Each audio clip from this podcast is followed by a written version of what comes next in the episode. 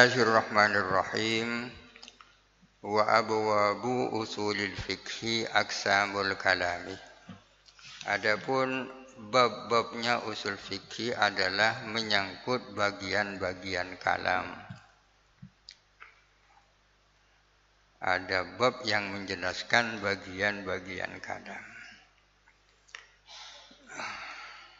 Karena seperti dijelaskan di depan bahwa hukum syar'i itu adalah hukum yang diambil dari dalil syar'i. Dalil syar'i itu adalah Al-Qur'an dan As-Sunnah. Berbicara tentang Al-Qur'an dan As-Sunnah kan berarti berbicara tentang nas atau teks sekaligus berbicara tentang lafal berbicara tentang kalam. Maka di dalam usul fikih ada pembahasan tentang aksamul kalam. Wal amruh dan amar wal nahyu dan nahi wal amu dan lafal am wal khasu dan lafal khas ini nanti masing-masing ada penjelasannya. Wa yudhkaru dan disebutkan fihi di dalam khos al mutlaku apa mutlak wal muqayyadu dan muqayyad. Karena mutlak dan muqayyad ini bagian daripada khos. Wal mujmaluh dan lafal mujmal, wal mubayyanu dan lafal mubayyan, wal zahiru dan lafal zahir. Wa fi ba'din nusakhih dan di dalam sebagian naskah-naskah ada tambahan wal muawwalu dan muawwal wasayati dan akan datang apa muawwal wal af'alu dan perbuatan-perbuatan. Yang dimaksud per, perbuatan-perbuatan nabi. Ada penjelasannya juga. Wan nasikhu wal mansuhu nasikh dan mansuh. Yang menyalin dan yang disalin. Wal ijma'u dan ijma' wal akhbaru dan akhbar khobar-khobar wal qiyasu dan kias kias ini dalil syar'i juga akan tetapi bukan dalil primer dalil primer atau dalil pokok itu ya Al-Quran dan As-Sunnah selain Al-Quran dan as-sunnah ada yang namanya dalil cabang antara lain kias. Wal hadru dan hadr yakni hurma haram. Wal ibahatu dan ibaha. Wa tartibul adillati dan urut-urutan dalil-dalil, urutan dalil-dalil. Wasifatul mustafti dan eh, wasifatul mufti dan sifatnya mufti pemberi fatwa. Wal mustafti dan sifatnya mustafti peminta fatwa. Wa ahkamul mujtahidinah dan hukum-hukumnya para mujtahid itu adalah beberapa hal yang menjadi pembahasan usulul fikih Fa'amma aksamul kalami adapun bagian-bagian kalam Kalam dibagi menjadi beberapa bagian dengan beberapa aspek ya kan. Dari aspek ini kalam dibagi menjadi begini-begini. Dari aspek yang lain kalam terbagi menjadi begini-begini dan seterusnya. Pertama-tama Kimasonib menjelaskan bagian-bagian kalam min haitsu ma yatarakkabu minhu dilihat dari segi dari apa kalam itu disusun. Kalam itu kan pasti tersusun. Pertama-tama ini akan menjelaskan pembagian kalam dari segi dari apa kalam itu disusun. Fa'aqallu ma yatarakkabu minhu al-kalamu ismani Adapun paling sedikitnya sesuatu ya tarokkabu yang tersusun minhu dari ma al kalamu apa kalam ismani adalah dua isim. Sekurang-kurangnya kalam itu tersusun dari dua isim. Nahwu zaidun qaimun seperti zaidun qaimun adapun zaid adalah berdiri. Zaidun isim qaimun isim Awismun wa fi'lun atau isim dan fi'il. Nahu koma zaidun seperti koma zaidun. Koma fi'il zaidun itu isim. Au fi'lun wa harfun atau fi'il dan huruf. Kalau di dalam jurmiyah tidak ada pembahasan kalam yang tersusun dari fi'il dan huruf. Ya. Nahu makoma seperti lafal makoma tidak berdiri. Ma ini huruf, koma ini fi'il. Ada kalam tersusun dari fi'il dan huruf. Asbatahu ba'duhum menetapkan kepada lafal semisal makoma ba'duhum siapa sebagian ulama hunya bisa kembali kepada susunan kalam dari fi'il dan huruf bisa saja kembali kepada seperti makom. Asbatahu ba'duhum menetapkan kepada semisal makomah ba'duhum siapa sebagian ulama walam ya'udda ad-dhamir fi dan tidak menganggap tidak menghitung akan domir yang ada di dalam koma ar-raji'a yang kembali ila zaidin masalan kepada zaidun misalnya kalimatan. Ini mungkin ada kalimatan di sini ya. Kalimatan menjadi maf'ul duanya walam ya'udda. Menurut sebagian ulama ada kalam tersusun dari fi'il dan huruf seperti makom. Tam, ini artinya bahwa makomah benar-benar hanya tersusun dari fi'il dan huruf. Kalau domir yang ada di dalam koma yang kembali kepada zaitun misalnya itu diang tidak dianggap sebagai sebuah kalimat. Di adami zuhurihi karena tidak tampaknya domir padahal di dalam koma kan ada domir ya tidak berdiri siapa siapa ya? ini artinya bahwa domir yang ada di balik lafal koma yang kembali kepada Zaidun misalnya tidak dianggap sebagai kalimat di adami duhurihi karena tidak tampaknya domir. Jadi bacanya walam ya'udda ad-domir fi koma ar-raji'a ila Zaidin masalan kalimatan di adami duhurihi. Wal jumhuru ala addihi kalimatan. Adapun jumhur ulama adalah menghitung domir itu sebagai sebuah kalimat. Kalau domir yang ada di dalam koma dianggap sebagai satu kalimat, maka makoma bukan hanya susunan fiil dan huruf, tapi huruf fiil dan isim. Yang dimaksud isim adalah fa'il yang terdiri dari domir mustatir. Wasmun wa harfun dan isim dan huruf. Ada kalam tersusun dari isim dan huruf. Wadzalika fin nidai. Adapun hal itu itu terdapat di dalam nida. Nahu ya zaidu seperti ya zaidu. Ya itu huruf, zaidu itu isim. Wa in kana makna ad'u au unadi zaidan sementara ada apa maknanya adalah ad'u saya memanggil au unadi atau saya memanggil Zaidan kepada Zaid. Ya Zaidu ini sesungguhnya adalah susunan fi'il, fa'il dan maf'ul ya kan. Karena ya Zaidu itu amar, amar maknanya adalah ad'u Zaidan atau unadi Zaidan. Wal kalamu yang qasmu ila wa nahyin. Adapun kalam dari sisi yang lain itu terbagi kepada amar dan nahi. Nahukum wala tak'ud seperti kum berdirilah kamu wala tak'ud dan janganlah kamu duduk. Wa khabarin dan khabar. Nahu ja'a zaitun seperti lafal zaitun. Wastikhbarin dan istikhbar minta kabar. Wa huwa adapun istikhbar al istifhamu adalah istifham Artinya dari sisi yang lain kalam dibagi kepada amar, nahi, khobar, dan istighbar. Amar dan nahi ini bisa disatukan, sama-sama tolab kan. Perbedaannya kalau amar ini adalah tolabu fi'lin, kalau nahi ini adalah tolabu tarkin. Amar itu tuntutan untuk melakukan, nahi itu adalah tuntutan untuk meninggalkan.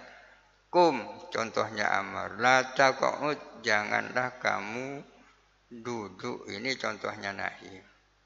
Khabar contohnya ja'a zaitun. Istighbar maknanya maksudnya istifham.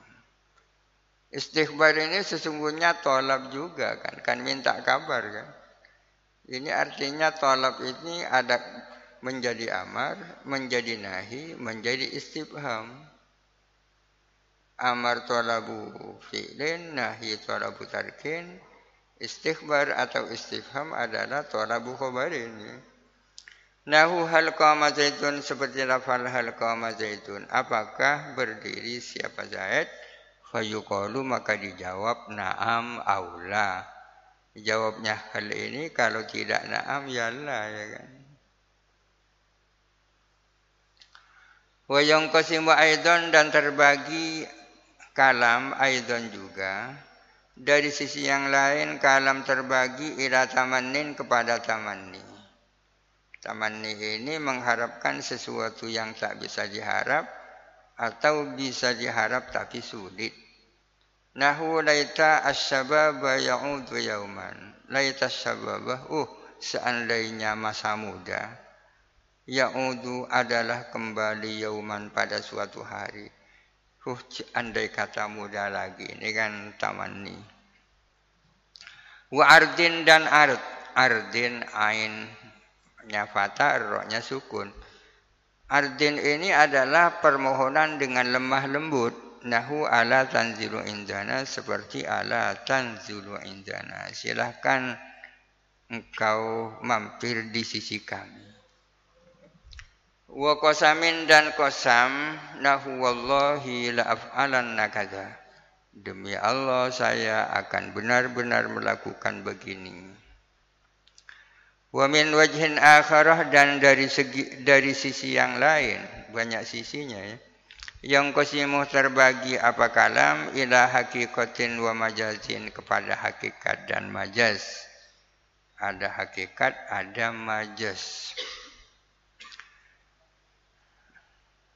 Fal hakikatu maka ada pun hakikat ma bakiya fil istimali ala maudu'ihi ma adalah sesuatu bakia yang tetap fil istimali di dalam pemakian tetap ala maudu'ihi atau atas maudu'nya ma.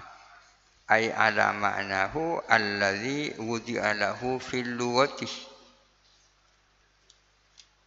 ay ala ma'nahu alladhi wudi'a fil luwati Hakikat ini adalah real meaning katanya, adalah makna yang sesungguhnya. Adalah lafal yang digunakan untuk makna yang sesungguhnya. Di sini definisinya ma fil istimali ala maudu'ihi adalah lafal yang tetap digunakan pada makna aslinya. Pada makna maudhu'nya. Nah, rupa-rupanya ada dua definisi di sini hakikat. Ini definisi yang pertama. Wakilah dan ada yang mengatakan mastumila fi mastudiha alaihi minal mukhatibati. Wakilah dan ada yang mengatakan hakikat itu ma adalah lafal ustumila yang dipakai fima di dalam makna liha alaihi yang dikenal luas alaihi atas emak yang menjadi istilah di masyarakat menjadi istilah di masyarakat maksudnya dikenal luas alaihi atas emak minal mukhatibati dari orang yang berbicara minal mukhatibati ay minal jama'atil mukhatibati dari kelompok masyarakat yang berbicara. Ini definisi hakikat yang kedua. Wa illam yabqa ala maudhi'ihi meskipun tidak tetap apa ma mastumila ma mastudiha ala maudhu'ihi atas maudhu'nya amma kasolati seperti lafal salat fil hayatil maksusati yang dipakai di dalam makna al hayatil maksusah di dalam gerak-gerik tertentu. Salat adalah akwalun wa af'alun muhtatamat muhtatamatun bil takbir, bil taslim itu kan salat itu. Jadi hakikat ada dua definisi. Definisi yang pertama hakikat itu adalah lafal yang digunakan pada makna aslinya. Oleh karena itu ketika lafal salat tidak dimaknai doa melainkan dimaknai sembahyang yang biasa kita lakukan setiap hari menurut definisi yang pertama bukan hakikat karena sudah tidak lagi dipakai pada makna aslinya. Tapi menurut definisi yang kedua, definisi yang kedua mengatakan hakikat adalah lafaz yang digunakan di dalam makna yang memang dikenal luas. Ya. Maka lafaz salat masuk hakikat meskipun tidak lagi digunakan dalam makna aslinya yaitu doa tapi telah dipakai di dalam makna salat lima waktu. Seperti kata-kata almarhum secara bahasa almarhum itu adalah orang yang diberi yang dirahmati kan akan tetapi dikenal luas di tengah-tengah masyarakat bahwa almarhum itu artinya orang meninggal ya kan? Orang meninggal. Apakah itu hakikat pemaknaan seperti itu? Kalau menurut definisi yang pertama itu bukan hakikat. Karena sudah tidak lagi digunakan dalam mana aslinya. Menurut definisi yang kedua iya tetap hakikat karena digunakan di dalam di dalam makna yang dikenal luas di kalangan masyarakat. Di sini contohnya seperti salat. Fa innahu sesungguhnya lafal salat lam yabqa ala maudu'ihi al-lugawi adalah tidak tetap ala apa lafal salat atas maudhu'nya lafal salat yang secara bahasa Wa huwa adapun maudhu'nya salat secara bahasa ad-du'a bi khairin adalah doa dengan baik. Secara bahasa makna lugawinya salat adalah doa bi khairin. Wadabati seperti dan seperti lafal dabbah. Di zawatil arba'i digunakan bagi hayawan-hayawan yang berkaki empat kal himari seperti himar, keledai. Secara bahasa, dabba itu adalah ma yajibu alal ardi, tiap-tiap sesuatu hayawan yang melata di atas bumi itu dabba. Oleh karena itu maknanya sangat umum, termasuk yang kaki dua juga dabba. Akan tetapi telah dikenal luas di kalangan orang Arab bahwa dabba itu hanya digunakan untuk yang kaki empat. Berhubung sudah dikenal luas, meskipun sudah lepas dari mana aslinya, tetap hakikat. Fa'innahu sesungguhnya lafal dabba lam yabqa ala maudu'ihi adalah tidak lagi tetap atas makna maudu'nya lafal dabba Wa huwa adapun maudhu'nya lafal dabba kullu ma yatibu 'alal ardi adalah setiap sesuatu yang melata di atas bumi.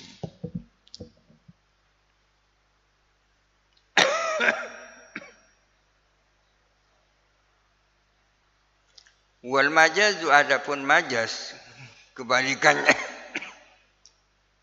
kebalikannya hakikat majas Majas ini metafora ya kan? Metafora majas ini. Wal majazu ma tujuwiza bihi. Adalah lafal tujuwiza yang dilampaui atau yang dilewatkan. Aitu uddiya bihi artinya dilewatkan atau dilampaui dilampaui atau dilewatkan mau an maudu'ihi apa maudu'nya ma an maudhu'ihi ini menjadi naibul fa'ilnya hmm, tujuh wizai Majas itu adalah sesuatu yang dilewatkan, yang dilampaui, apa makna maudhu'nya emak. Wahada alal makna al-awwali lil hakikati. Adapun ini berdasarkan makna yang pertama daripada hakikat. Berhubung hakikat itu definisinya ada dua versi, maka demikian pula majas ada dua versi juga. Berdasarkan definisi hakikat yang pertama, yakni ma bagi fil istimali ala maudhu'ihi, maka majas definisinya adalah ma tujuwiza bihi an maudhu'ihi. Adalah lafal yang lepas dari makna maudhu'nya. Gitu adalah lafal yang lepas dari makna aslinya.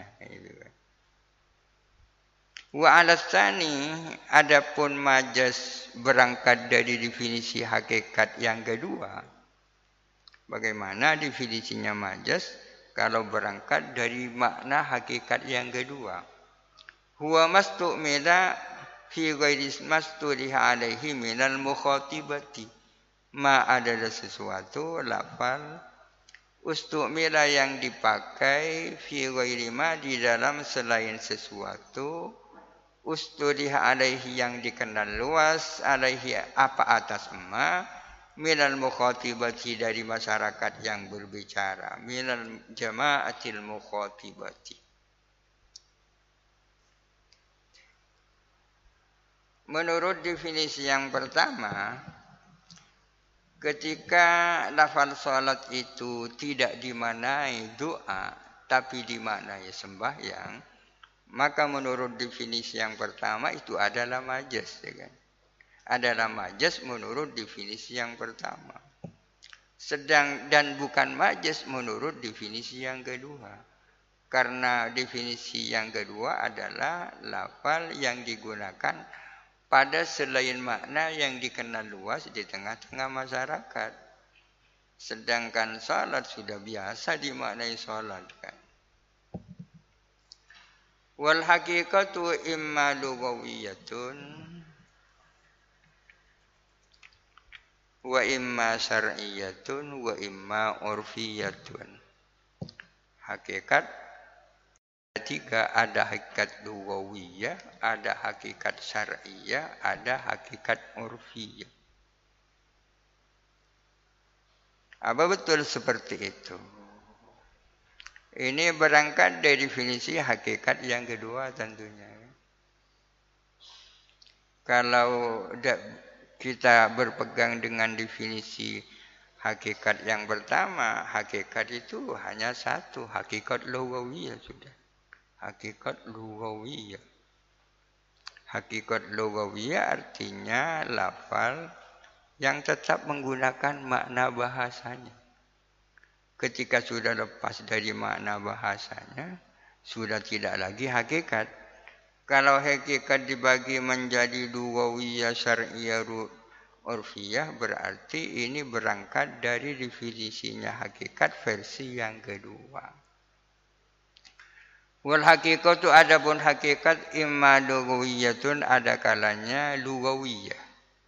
Apa hakikat lugawi? Bi an wadu'aha ahlul lugati dengan meletakkan kepada hakikat siapa ahli bahasa.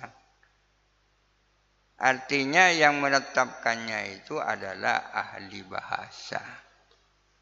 Kalau asadih misalnya seperti asad lil hayawanil muftarisi digunakan untuk hayawan yang punya mangsa, yang bermangsa.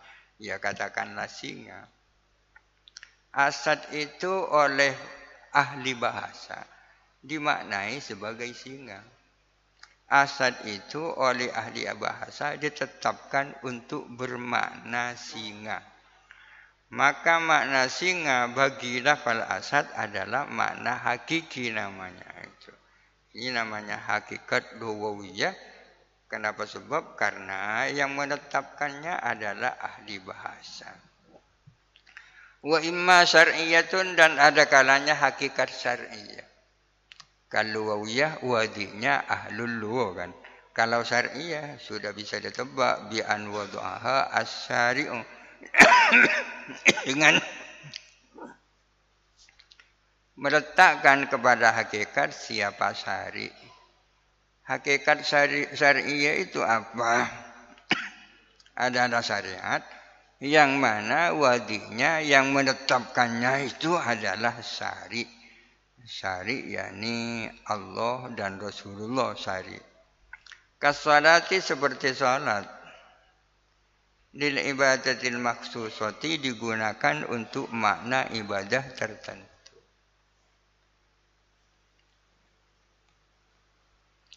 Salat itu ketika dimaknai doa itu hakikat lugawi ya kan? Ketika dimaknai sembahyang itu hakikat syar'i.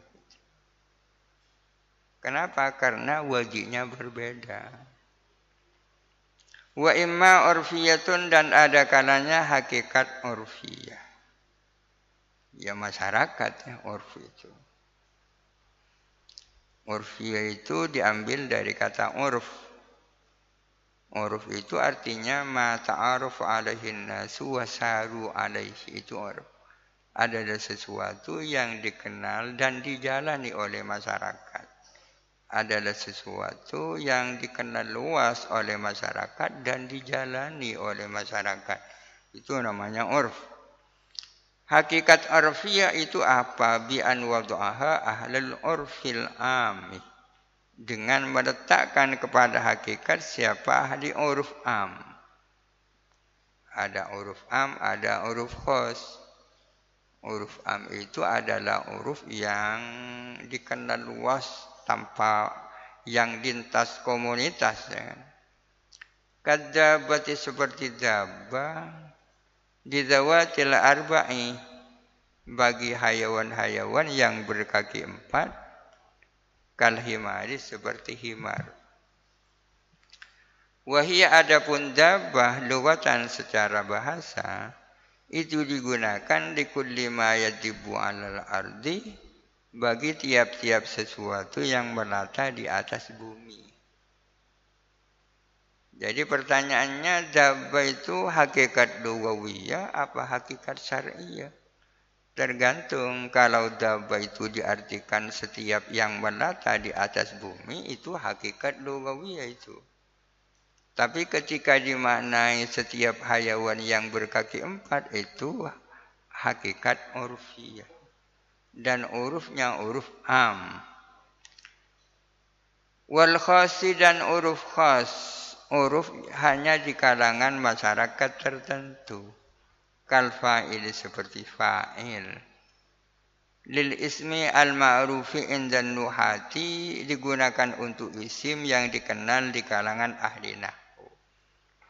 Fa'il ini kan hanya dikenal oleh sebagian masyarakat yang paling ya kalau bukan ahli nahwu ya orang yang pernah belajar nahwu santri para kiai itu baru kenal fa'il. Itu namanya uruf khos itu Wahadat taksimu adapun pembagian ini yakni yang membagi hakikat kepada hakikat lugawiyah, hakikat syar'iyah dan hakikat arfiyah masin adalah berjalan.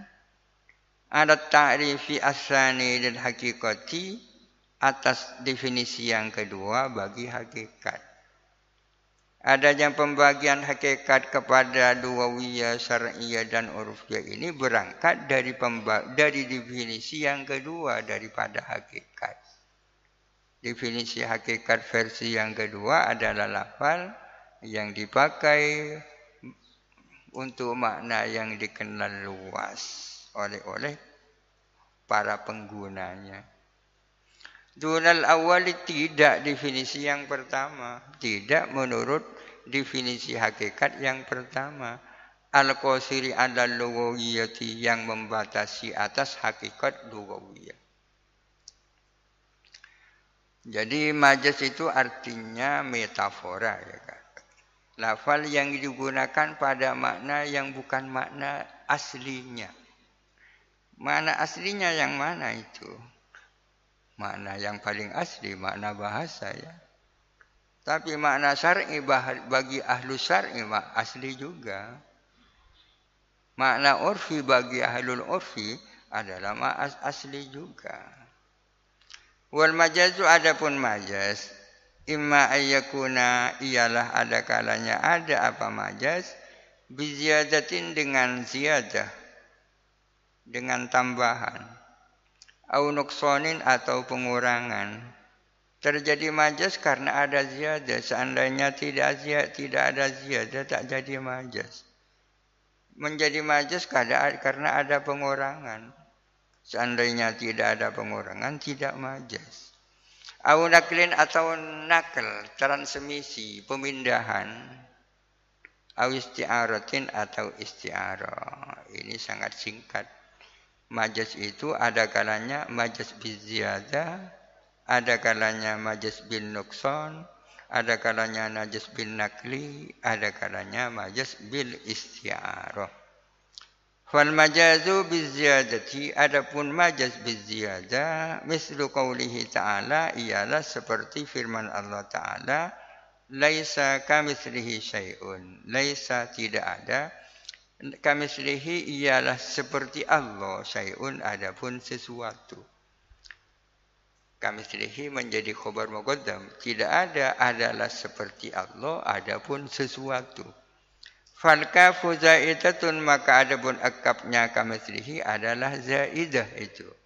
Kenapa kok harus zaidah? Wa illa kalau tidak zaidah fahiyya maka adapun kaf bermakna mislin adalah bermakna misli. Kalau akapnya bukan zaidah maka tentunya ada maknanya. Maknanya makna mislu. Kalau bukan zaidah dan maknanya makna mislu fayakunu lahu ta'ala mislun maka ada ialah bagi Allah Ta'ala adapun mislu kalau akabnya itu tidak zaidah berarti laisa misla mislihi syai'un kan gitu laisa tidak ada misla mislihi adalah seperti sepertinya Allah adapun sesuatu Maksud ayat ini kan untuk menyatakan bahwa tidak ada yang serupa dengan Allah.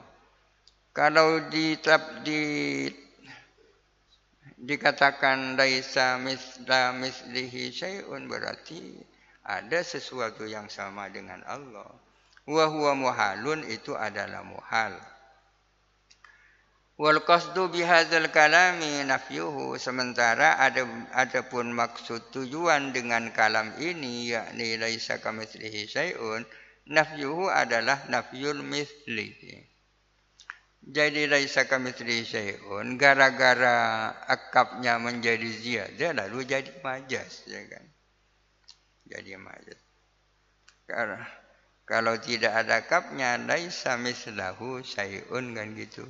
Tidak ada adalah seperti Allah, adapun sesuatu. Berhubung ada akapnya, akapnya dianggap zaidah. Kalau bukan zaidah, akapnya bermakna mislu. Berarti laisa misla mislihi syai'un. Tapi ada yang mengatakan mislu sesungguh di sini tidak ada majas. Ada yang berpendapat begini Ekapnya itu tidak zaidah dan mislu itu bermakna azat ya kan. Berarti laisa kadzatihi syai'un kan berarti tidak ada adalah seperti izatnya Allah ada sesuatu selesai tidak ada masalah itu. Sama dengan orang mengatakan misluka la yaf'alu kada. Misluka la yaf'alu kada. Orang semacam kamu. Tak mungkin melakukan ini ya kan? Yang semacam kamu tak melakukan apalagi kamu wal majazu bin nuksoni adapun majaz sebab nuk, dengan nukson jadi majaz gara-gara nukson kurang Mislu qawlihi ta'ala adalah seperti firman Allah Ta'ala was'alil qaryatah bertanyalah kamu kepada kota itu coba tanya ke kota ke desa itu Maksudnya ay ahlal qaryati bertanyalah kamu kepada penduduk desa itu. Gara-gara korang ahda dibuang lalu menjadi majas. Masa seperti laisa kamitslihi syai'un itu majas. Masa seperti was'alil qaryata itu majas. Bagaimana itu? Ini jawabannya. Wukur riba sidku ta'rifil majazi ala ma'adukira. Wukur riba dan didekatkan. Didekatkan itu bisa dibuat mudah. Wukur riba dan didekatkan, dibuat mudah. Sidku ta'rifil majazi. Apa mengenaknya definisi majaz.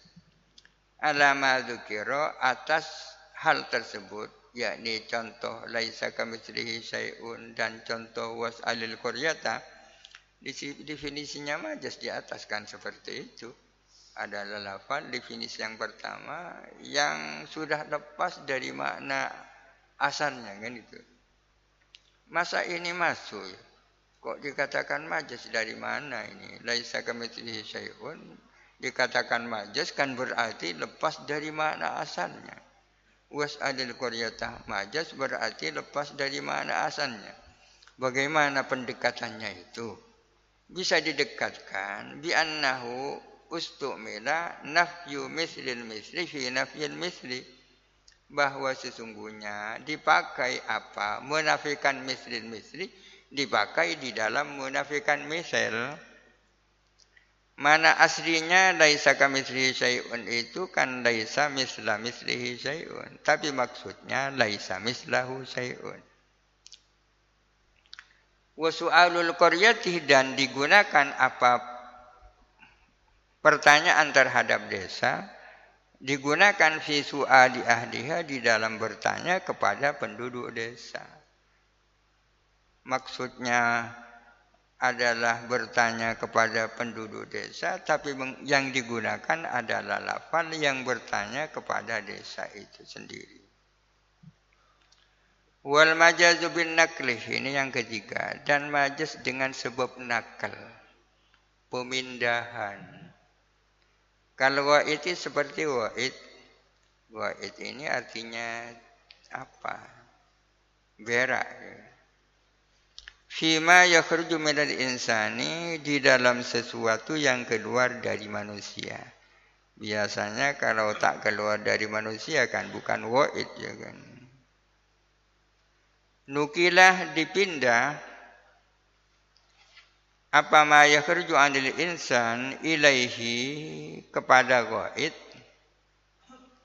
an hakikatihi dari hakikatnya wa'id Wahi adapun hakikatuhu al makanu al mut al mutmainnu adalah tempat yang lembah. Tugdo fihil hajatu yang mana di ditunaikan fihi di dalam makan al hajatu apa hajat. Mana asli daripada waid itu adalah tempat yang biasa ditempati kodaul hajat ya kan bihaitsu la yatabadaru minhu urfan illa ilal khariji. Bihaitsu la yutabadaru minhu urfan illa ilal khariji. Dengan mana tak segera dapat difahami minhu dari lafal gaib secara uruf kecuali apa yang keluar dari insan itu.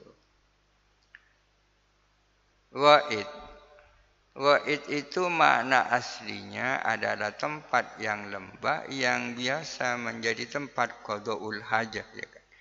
Tapi akhirnya dipindah lafal wa'id itu dari mana itu kepada makna kepada makna berak. Ya kan? Itu namanya nakal. Ini mengandung pengertian bahwa ada majas bin nakli. Kan? Padahal sesungguhnya semua macam semua macam-macam majas itu pasti ada ada nakal di situ.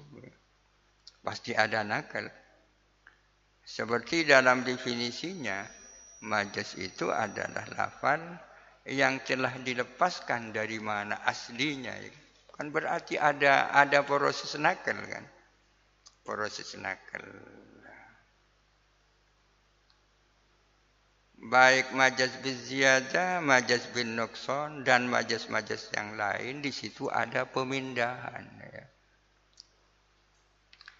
Wal majazu bil isti'arati adapun majas bil isti'arah adalah kekaulihi ta'ala adalah seperti firman Allah Ta'ala jidaran yuridu ayyang qadda fa'aqamah jidaran yuridu an yaqadda fa aqama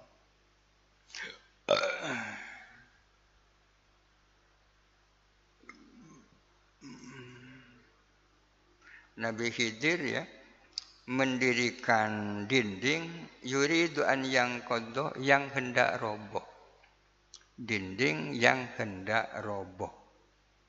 Ayas kutuh maksudnya ayas kutuh artinya roboh. Dinding kan tidak punya akal biasanya yang punya kehendak itu kan yang punya akal ya kan? Jidaron yuridu ayyang gadda fa'aqama Nabi Khidir melihat ada dinding yang hendak mau roboh, kemudian didirikanlah, ditegakkan kembali oleh Nabi Khidir. Fasubbiha mailuhu ila sukuti, maka diserupakan mailuhu apa condongnya jidar, condong ila sukuti kepada roboh, diserupakan bi iradati sukuti dengan mau mau roboh. Allati irada hiya yang ada pun lati min sifatil hayyi adalah termasuk bagian dari sifat-sifatnya makhluk hidup dunal jamadi bukan benda mati Wal majazu al mabniyu ala tasbihi yusamma isti'aratan. Adapun majaz yang didasarkan atas keserupaan tasbih itu disebut isti'arah. Majaz yang berdasarkan tasbih disebut isti'arah ya seperti ini. Seperti ini. Artinya menggunakan yuridu ya kan Arada yuridu iradatan. Iradah itu kan sifatnya makhluk hidup. Ya kan? Tapi di dalam ayat ini arada yuridu iradatan digunakan untuk jidar. Padahal jidar itu tak punya akal, bukan makhluk hidup bahkan. Akan tetapi kondisi jidar yang miring hendak roboh itu disamakan dengan dengan seolah-olah dia berkehendak untuk roboh yang mana kehendak itu merupakan bagian daripada sifatnya makhluk hidup. Yang paling banyak ini majas yang seperti ini kan. Misalnya seperti ini, kalau orang mengatakan doa itu asadan, saya melihat singa. Singa singa itu memiliki dua makna makna hakiki, makna hakiki dan makna majazi. Makna hakiki daripada sing, daripada asad adalah singa, makna majazinya adalah orang yang berani. Kalau kita bertemu dengan lafal yang memiliki dua makna seperti itu, maka seharusnya kita memaknainya dengan makna yang hakiki. Yang mana saja saya melihat singa, itu asadan kan. Tapi kadang-kadang makna hakikinya tak mungkin. Karena melihat konteks yang ada. Misalnya kita mengatakan doa itu asadan yusolli fil masjid. Saya melihat asad melakukan sholat di masjid. Tak mungkin kita memanai asad dengan makna aslinya. Oleh karena itu terpaksa harus menggunakan makna makna sekundernya. Ini ada hubungan anda antara makna primer, makna yang asli dan makna yang kedua. Ada hubungan kesurupaan, yakni sama-sama beraninya kan. Majas yang seperti ini namanya majas istiar kan. Yakni majas yang bertumpu kepada persoalan tasbih penyurupaan antara makna yang primer dan makna sekunder.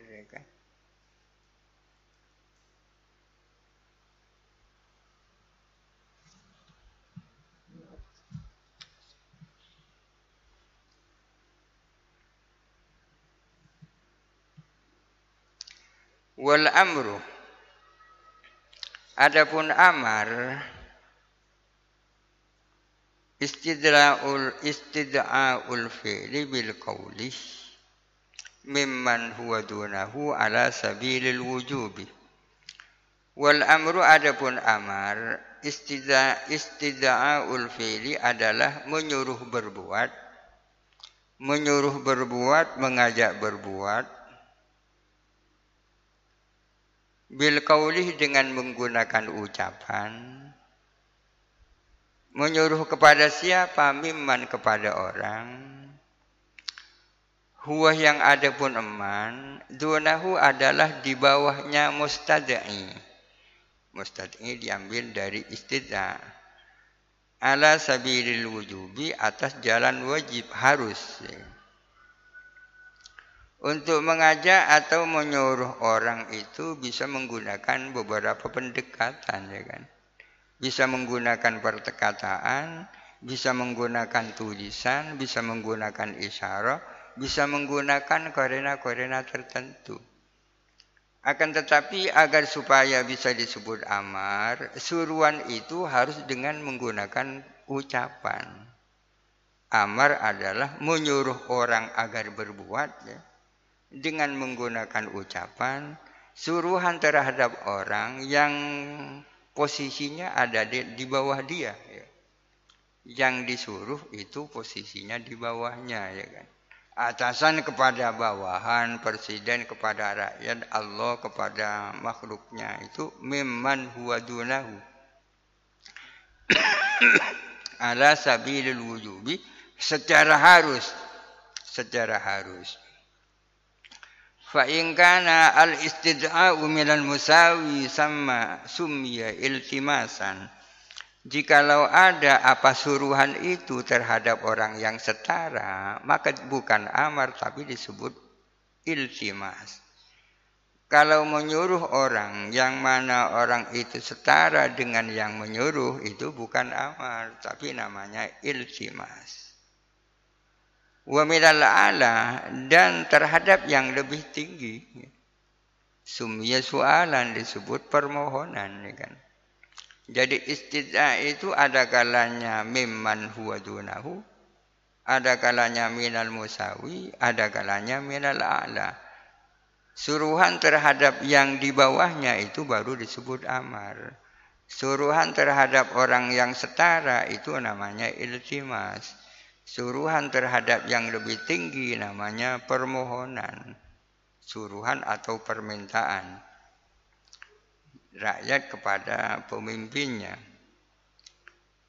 Wa illam yakun jikalau tidak ada apa istidha ada sabilil wujubi secara wujub bi anjau dengan memungkinkan apa istidha kepada meninggalkan wa illam yakun jikalau tidak ada apa istidha suruhan atau permintaan ala sabilil wujubi bukan atas jalan wujub bi anjawaza dengan memungkinkan apa istid'a memungkinkan atar kepada meninggalkan fadhahiruhu maka adapun zahirnya istid'a annahu ialah bahwa sesungguhnya istid'a laisa bi amrin itu bukan amar ai fil hakikati maksudnya bukan amar yang sesungguhnya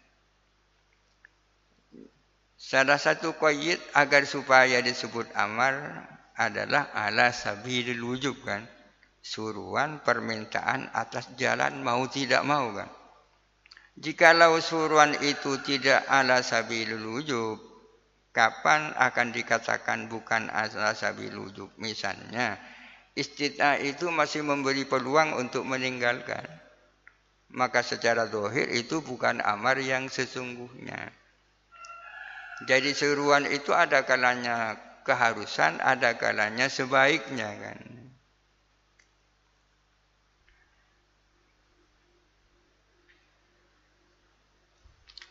Usiwatuhu ad-dallatu wallahu alam al-fatihah. أعوذ بالله من الشيطان بسم الله الرحمن الرحيم. الحمد لله رب العالمين. الرحمن الرحيم مالك يوم الدين. إياك نعبد وإياك نعبد إياك نعبد وإياك نستعين. اهدنا الصراط المستقيم. صراط الذين أنعمت عليهم غير المغضوب عليهم ولا